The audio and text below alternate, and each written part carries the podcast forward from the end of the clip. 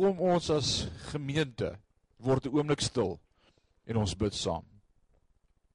Ewige God en Hemelse Vader, wat 'n wonderlike voorreg vanmôre om as kerk op 'n nuwe manier met nuwe uitdagings bymekaar te kan kom. Ons wil vanmôre aan U al die lof en al die eer bring. Dankie dat 'n gebou ons nie kan beperk nie, maar dat ons vanmôre letterlik kerk sonder mure mag wees, kerk sonder grense oor die wêreld heen, individue wat inskakel en sê ons is deel van die kerk, ons getuig dat Christus lewe in ons harte. En daarom wil ons vanmôre ook U woord hoor en ek wil vanmôre bid nou al vir elkeen daar waar hy sit en kyk, vir die wat nog hierna gaan kyk later dat hierdie woord vanmôre ook vir hulle bemoedigend sal wees in hierdie tyd waarin ons lewe. Vader, ek wil bid vir 'n vrede en vir 'n rustigheid en 'n kalmte in elkeen se gemoed. Ek wil bid dat U Heilige Gees daardie vrede waarvan Paulus skryf in die gemeente in Efese in Efesiërs 4 as hy in vers 7 en 8 sê en die vrede van God wat alle verstand te bowe gaan sal julle harte en julle sinne bewaar in Christus mag dit ook elkeen van ons se deel word. Is my gebed in Jesus naam en sê ons sê amen. Loof die Here. Ek wil vanmôre graag met jou praat uit die woord van die Here uit en dan sê jy maar daar's nou nie eers vanmôre gemeente sang nie. Ons het op Facebook en op YouTube het ons 3 video's reeds opgelaai van gemeente sang wat ons opgeneem het en ons sal in hierdie week wat volg meer oplaai. Ek gaan meer gereeld met jou praat livestream. Ek sal elke dag probeer om 'n klip op te sit. Dan weet jy van mense wat nie Facebook het nie en ook nie uh uh YouTube kan kyk nie want hulle het nie data nie. Ons sal ook 'n nommer vir jou opsit. Dis ons sien ons se WhatsApp lyn en jy's welkom enige tyd soontoe SMS of WhatsApp te stuur, gebedsversoek, kommunikasie, praat met ons. Ons sal gereeld ook van daar af vir jou 'n klip uitstuur wat ek met jou wil praat oor op hoogte te bly van wat gebeur in ons land en die challenges, die besluite wat ons het om te maak rakende gemeentesake. Jy bly deel van die liggaam van Christus. Sion bly jou gemeente. Ons bly bid vir jou. Ons bly lief vir jou. Ons het dalk nie vanmôre kontak en ek kan jou hand skud nie, maar voor die Here is elkeen van ons bekend en jy moet weet jy is spesiaal vir Sion gemeente. Ek wil vanmôre met jou praat en ek weet soveel van ons lidmate het ander challenges. Sommige van ons bly reeds by die huis. Uh, ons lees wat gebeur in ander lande. Ons ons Google heeltemal te veel. Uh dis nie altyd 'n goeie ding nie. Ek wil vir jou sê fokus meer op God se woord en wat hy sê as wat die media sê. Die media is daar vir sensasie. Ons gebruik vermoere die voordeel van tegnologie ter wille van die koninkryk. Stig jou hart met geestelike sake, bly in die woord. Maar soveel van ons beleef reeds challenges, dalk finansiëel, dalk wonder jy waar gaan my inkomste vandaan kom? As ek nie werk nie, kan ek nie eet nie. Ek weet in ons eie dorp en gemeenskap raak dit vanmôre individue direk. Individue wat vanmôre reeds beleef dat daar nie finansies in hulle sakke is nie omdat deure toegemaak word, plekke vroeër sluit, sekere nuwe wette en riglyne in plek is en dit affekteer elkeen van ons. Wat sê God se woord vir ons vanmôre? Want ek wil vir jou dit sê, ek weet God hou elke dag in sy hand. Hy hou jou vas, hy hou my vas. En God sit sekerlik nou met 'n verrassing en sê, "Sjoe, ek het nie gedink dis hoe dit gaan gebeur nie." Hy het geweet hiervan al my dae is opgeskryf in sy boek. Die woord van die Here verklaar en Jesus sê dit self, hy sê daar sal nie een haar van my hoof afval waarvan hy nie weet nie. En ek wil jou dit gerusstel vanmôre en vrede bring in jou hart om te sê moenie paniekerig raak nie, maar my vertroue is in die Here God, die almagtige, die skepper van hemel en aarde. Daar's moeilike tye reg oor die wêreld. As ons lees wat gebeur in ander lande, en ons sien wat wat ook dalk vir ons mag wag en ons sien die paniekerigheid waarmee die regering angstig raak rondom al die gevalle wat daagliks aangemeld word en hoe meer en hoe meer dit word en net op daardie punt sal ons ook vir jou sulke inligting deurgee wat jy kan vertrou as waar en juis. So jy hoef nie te gaan soek op ander plekke vir die waarheid nie maar dit raak elkeen van ons. Dalk die afsterwe van 'n geliefde, aanhoudende moeilike omstandighede, die onsekerheid oor die toekoms, worstelstryd met siekte in jou eie liggaam. Ons wonder wat gaan die dag van môre bring. Ek wil sê in sulke omstandighede is die eerste ding wat ons as mense weet om te doen is om dalk net vertroosting te bring. As as 'n persoon langs my uh, moeilike omstandighede beleef is my gewoonte gewoonlik om te sê kom hier ek wil jou 'n drukkie gee. Dit raak vir ons moeilik om drukkies te gee. Dit word een van die goed wat vir ons gesê word is moenie fisies kontak hê nie. Moenie raak nie. Net omdat jy dit dalk kan kry nie, maar dalk het jy reeds daardie kiem en jy kan dit versprei. Dis onseker tye. So wat doen ons as ons nie 'n drukkie kan gee nie? En is 'n drukkie vanmôre genoeg? wanneer ek deur 'n krisis gaan. Vanmôre wil ek jou na die woord van die Here vat en ons gaan vanmôre lees uit Romeine 8. Ons Paulus skryf aan die gemeente in Rome en hy skryf vanaf vers 18 en ons gaan vanmôre lees tot by vers 25 en hoor wat sê die woord van die Here vanmôre vir ons. Paulus sê want ek reken dat die lyding van die teenwoordige tyd nie kan opweeg die in die heerlikheid wat aan ons geopenbaar sal word nie.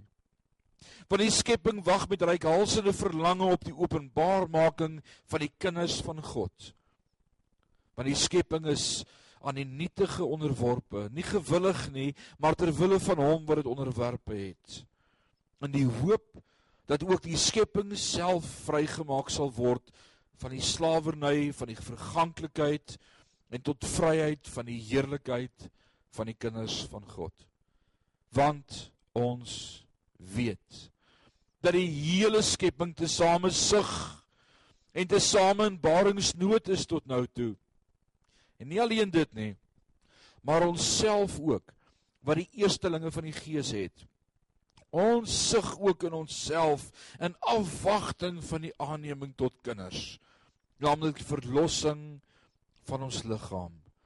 Want ons is gered in hoop Maar die hoop wat gesien word is geen hoop nie.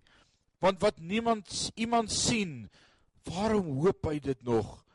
Maar as ons hoop wat ons nie sien nie, dan wag ons daarop met volharding.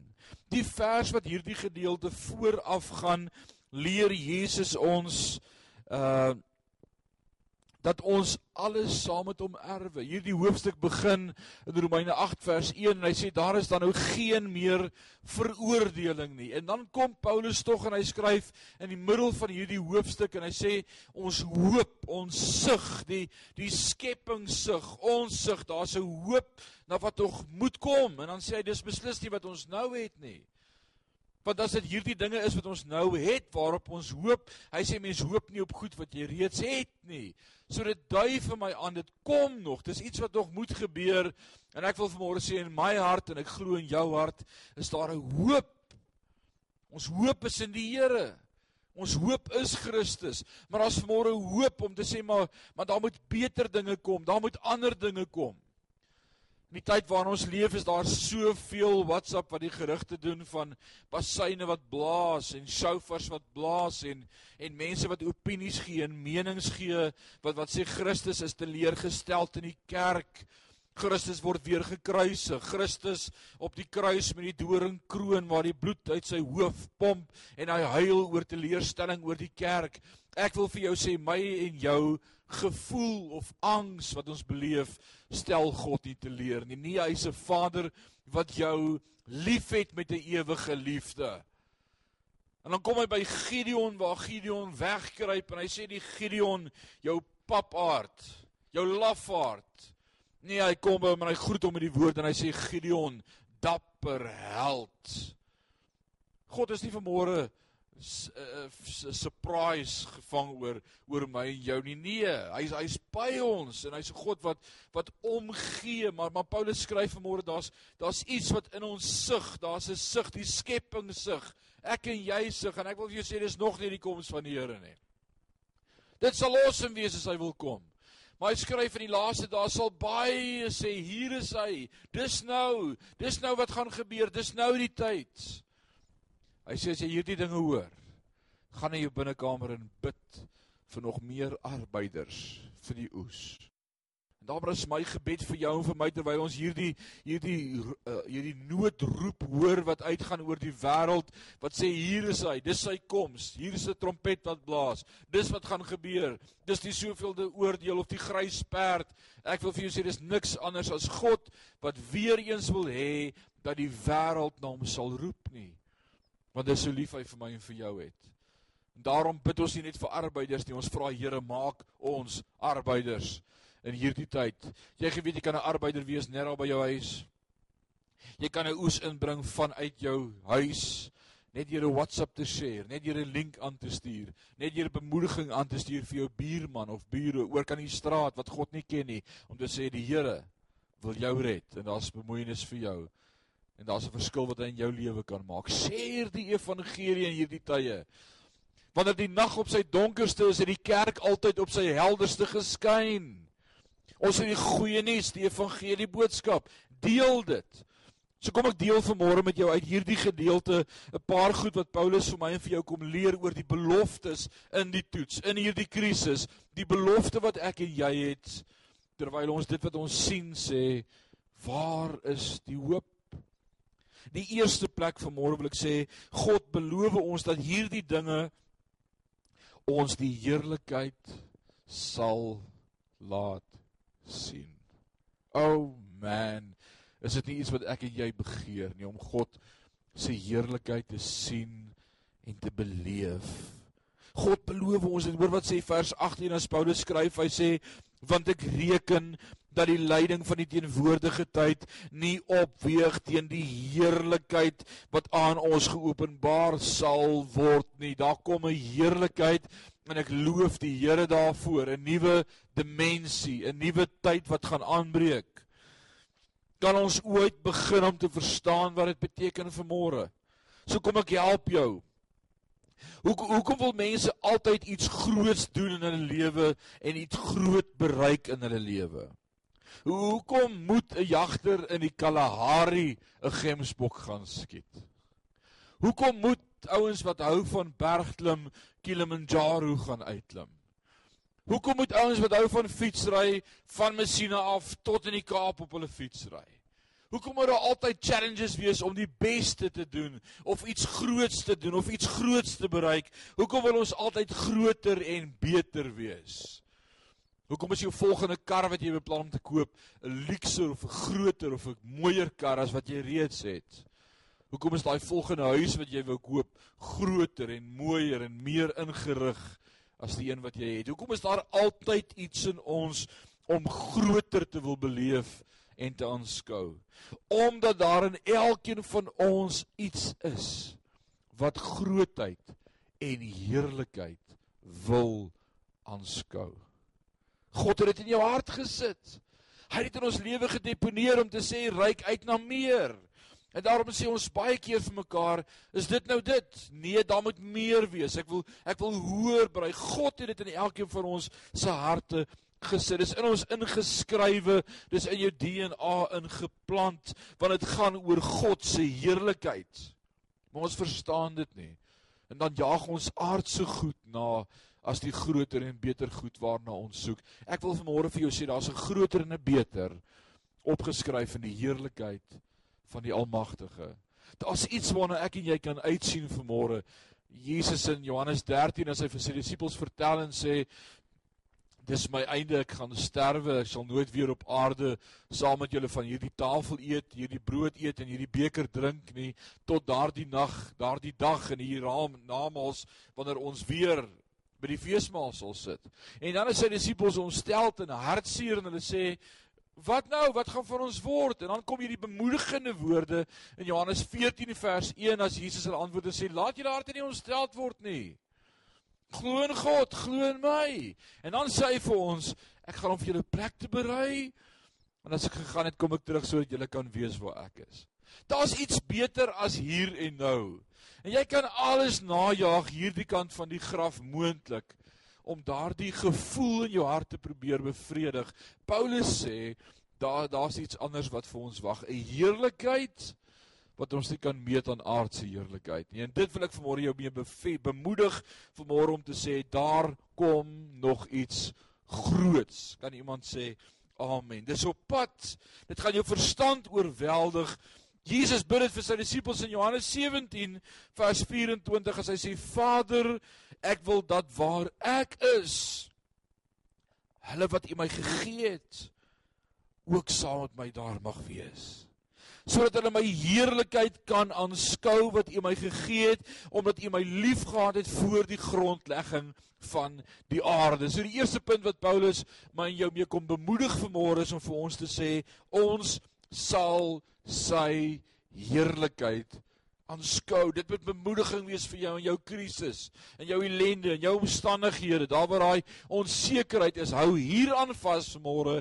God sal sy heerlikheid aan my openbaar.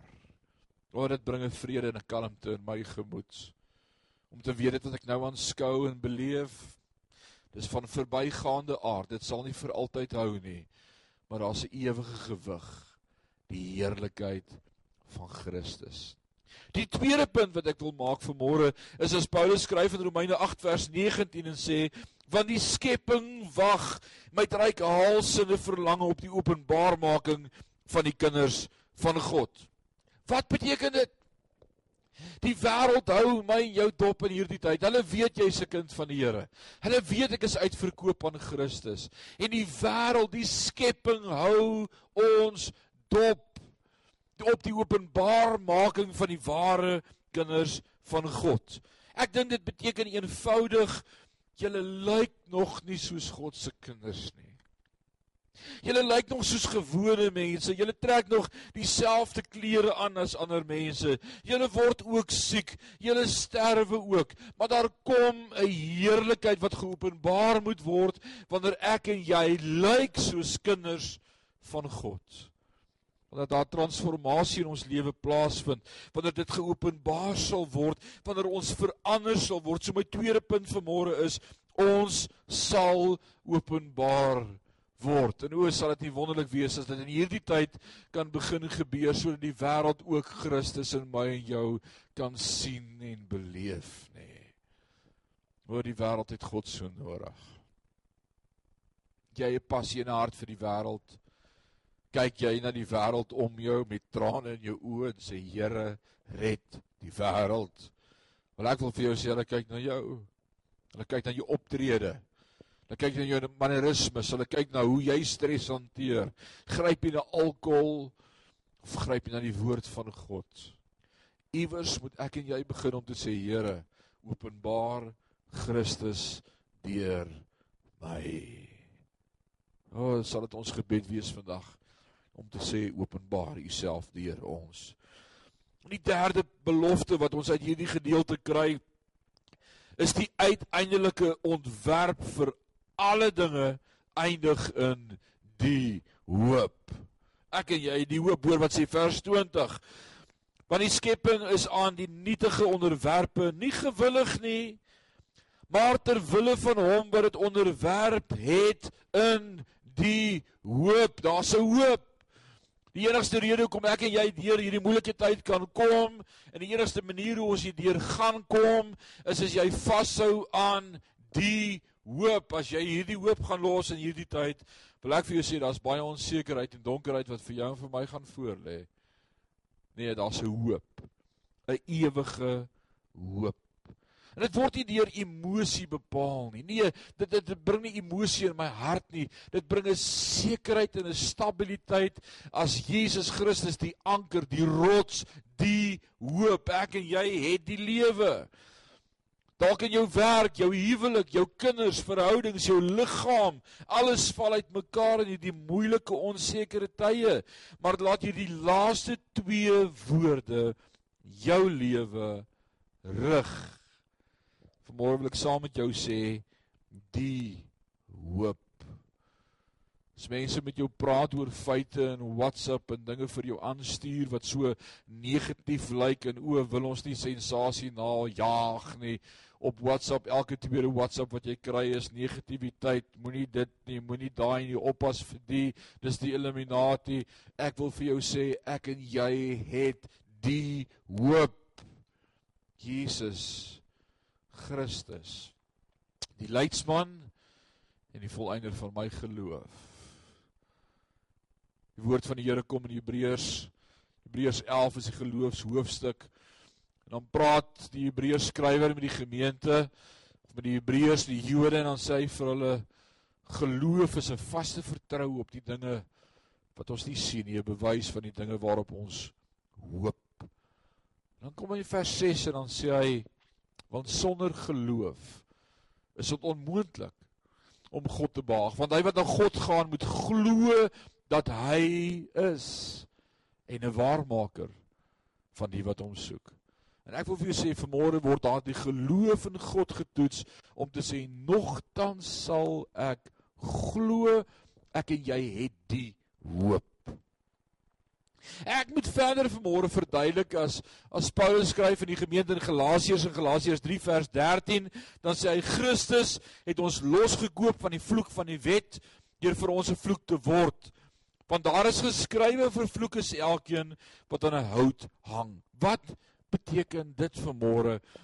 Dalk dink jy, hmm, dan moet ek en jy nie meer sterf nie as Christus vir ons 'n vloek geword het. Dan moet ek en jy nie siek word nie. Dan moet ek en jy nie onderwerpe wees aan hierdie aan hierdie dimensie nie, aan hierdie riem van pyn en lyding. Dat dan dalk is ek en jy in 'n ander dimensie dat hierdie goed ons nie raak nie. Ek wil vanmôre vir jou sê nee, dis nie wat dit beteken nie. Dit beteken my sonde en my straf, jou sonde, jou straf is nie meer daar nie want God het daarvoor gesterf aan die kruis. Reg aan die begin met die val, die sondeval, was daar twee dinge wat gebeur het toe Adam en Eva van daardie verbode vrug geëet het. Heel eerste die fisiese dood het ingetree. Die tweede ding, 'n geestelike dood het ingetree. Fisiese dood kan ons van getuig. Ons sit gereeld by begrafnisse en ek sê dit gereeld, dit lyk vir my niemand van ons kom lewendig hier weg nie. Dis iets wat jou en my moet bang maak nie. Nee, dis Dis net die realiteit. Sal dit nie wonderlik wees dat die Here ons kan kom haal terwyl ons in die lewe is nie. Maar net nie eers die dood kan my skei van Christus nie. Paulus verklaar dit in Romeine 8 in die laaste paar verse van hoofstuk 8 wat hy sê wat sal ons skei van die liefde van Christus? Maar die tweede gevolg, 'n geestelike dood. En dis wat Christus aan die kruis vir my en vir jou voorkom betaal het toe hy die vloek geword het in Galasiërs 3 vers 13 wat Paulus van skryf om sê hy het die vloek vir my geword. Wat gebeur nou wanneer ek en jy in Christus glo? Geestelike wedergeboorte ons lewe sal vir altyd lewe. My gees lewe klaar, maar hierdie vlees is onderwerpe aan hierdie wêreld, aan die vloek, aan sonde, aan emosie Paulus kom in Romeine 7 en dan sê hy wat sal my verlos van hierdie liggaam? Dit lyk vir my met my gees dien ek een wet, maar hierdie stuk vleis wil iets anders ter doen. Ek weet Christus is my anker en my hoop en my trooster, maar hierdie stuk vleis, hy vergaan elke dag. Wie sal my red? En hy sê dit lyk vir my die dood is die antwoord. Ek kan nie wag om te sterwe nie. Paulus sê in Filippense 1, hy sê vir my is Christus die lewe en om te sterf wins. Voel ek en jy so daaroor? So is dit wat nou met ons gebeur, is dit die vloek, is dit nou die gevolg van sonde? Nee, ek wil vir jou sê ons is onderwerpe aan hierdie effek van sonde nog tot daardie dag. Tessalonisense sê wat ons sal weet, weet ons nie, maar ons weet dit dat in een oomblik hierdie sterflikheid met onsterflikheid bekleed sal word. Ons hoop daarop. Ons is nog nie daar nie. En baie predikers het al gesê ja, ek voel ek's besig om te sterf en ek weet ek is terminaal en die skrif is aan die muur en hierdie liggaam vergaan, maar moet my nie begrawe nie, ek gaan opstaan. En hoeveel keer weet ons van gevalle wat na 'n week deur die owerhede vir daardie families gesê is begrawe en kry klaar. Ons kan nie opstaan nie. Die tweede opstanding is die opstanding uit die dood en dit sal net wees daardie dag wanneer Jesus die trompet blaas. Ons is nie gemaak om vir altyd te lewe nie. So moenie bang word deur dit wat gebeur nie. Moenie bang word nie. Die vierde belofte uit hierdie gedeelte uit vanmôre wat ek vind is nie net ons as kinders van God nie, maar ook die skepping. Jy moet onthou, die skepping is onderwerp aan hierdie vloek wat uitgespreek is in Genesis. Ja, die vloek wat gebreek is aan die kruis is is my en jou geestelike onsterflikheid. Maar hierdie vlees is nog daaraan submit, so ook die wêreld. Hierdie is nie 'n verheerlikte aarde nie. Hierdie is 'n vervloekte aarde. En as hy so lyk met al sy pragt en sy mooiheid en sy natuur skoon, weet ek die hemel gaan 100 maal mooier lyk. Dis iets om naai te sien. Hoor wat sê Romeine 8 vers 21. Dat ons ook dat ook die skepping self vrygemaak sal word van die slawerny van die verganklikheid tot die vryheid van die heerlikheid van die kinders van God. Besef jy vanmôre wat hierdie vers vir my en vir jou leer dat jy dat dat jy vir hierdie skepping gemaak is, hoor mooi, omdat alles so groot is. Nee, God het alles gemaak. God het die skepping gemaak. God het ons gemaak. God gaan ons eers nuut maak en verheerlik en dan gaan hy die wêreld nuut maak. Ek en jy staan eerste in die ry. Dis 'n wonderlike vooruitsig vir elkeen van ons. God het iets heerliks vir my en vir jou in stoor, 'n erfporsie. Wanneer jy in hierdie krisis wat ek en jy beleef sit, hou vas aan die hoop. Hou vas aan Jesus Christus. Hou vas daaraan dat God 'n werk in my en jou gaan tot stand bring. Hou vas dat daar 'n beter plek is wat ek en jy nie kan verruil vir hierdie plek nie. Hou vas dat ons 'n erfporsie het.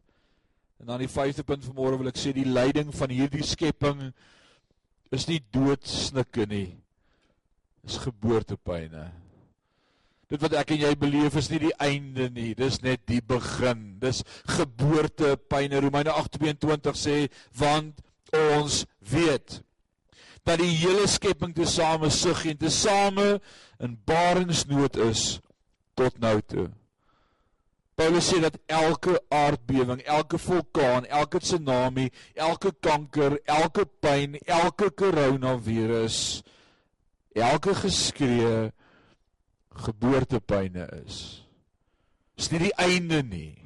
Dis die begin op iets wat moet kom. Paulus sê hier, dis nie die einde nie, dis geboortetyd. Die beste kom nog. Hou net uit. Hou net moed. Moenie opgee nie. O, ons het 'n heerlike vooruitsig, 'n ewigheid saam met Christus. Moenie ophou leef voordat dit die einde is nie. Hoekom is ons altyd doemprofete en so negatief en sê o, oh, dis die einde. Dis die oordeel. Dis die apokalips. Dis ouens is alles net deel van Christus se intensiteit wat hy aandraai en opdraai, warmer draai in die wêreld sodat die wêreld na hom sal roep. Dit spreek vir my van 'n God van liefde. Toe ek so 6 jaar terug die boek Openbaring deurgewerk het en ek wil jou challenge vanmôre as jy nog nooit Openbaring gevat het en gelees het nie, gaan soek op YouTube onder Sion Gemeente na Openbaring. Gaan kyk op SoundCloud. SoundCloud, al ons goed is op SoundCloud. Soek Sion Gemeente, gaan na reekse, luister Openbaring. Daar's 40 snitte opgeneem in die boek Openbaring. Weet jy wat my opinie van Openbaring was altyd? Wow, daar kom tawwe tye. Dis iets waarvoor ek bang is. Ek weet nie van die groot verdrukking nie. Ek is onseker ek los dit eerder. Wil dit nie aanskou nie. Wil nie weet wat gaan gebeur nie. Dis so sleg. Dit ons openbaring vat as gemeente en ons begin om deurwerk. Toe ontdek ek 'n God van liefde. Ek ontdek 'n God wat die wêreld so liefhet dat hy vir 7 jaar die temperatuur gaan opdraai, die intensiteit van gebeure, die moeilike omstandighede sodat die wêreld na hom sal roep. En nog steeds wil hulle nie na God roep nie. Eerder praat hulle met berge en sê: "Berge val op ons en bedek ons wanneer is die dag van die Here." Ek sien Openbaring engele wat vlieg in die lug met die boodskap Christus is die antwoord en mense steur hulle nie daaraan nie. Ek sien 144000 Jode, Billy Grimes opgewek word met die evangelie boodskap van goeie nuus. Die wêreld steur hulle nie daaraan nie. Ek sien dat die twee getuies in Jerusalem se straat ewe skielik verskyn met die boodskap van Christus en genade. Die wêreld steur hulle nie daaraan nie eerder hou hulle aan om in hulle sonde voort te leef. Vriend, vriendin, mag dit wat nou begin gebeur en ek wil sê die intensiteit gaan meer toeneem in die dae wat voorlê. Dis net die begin.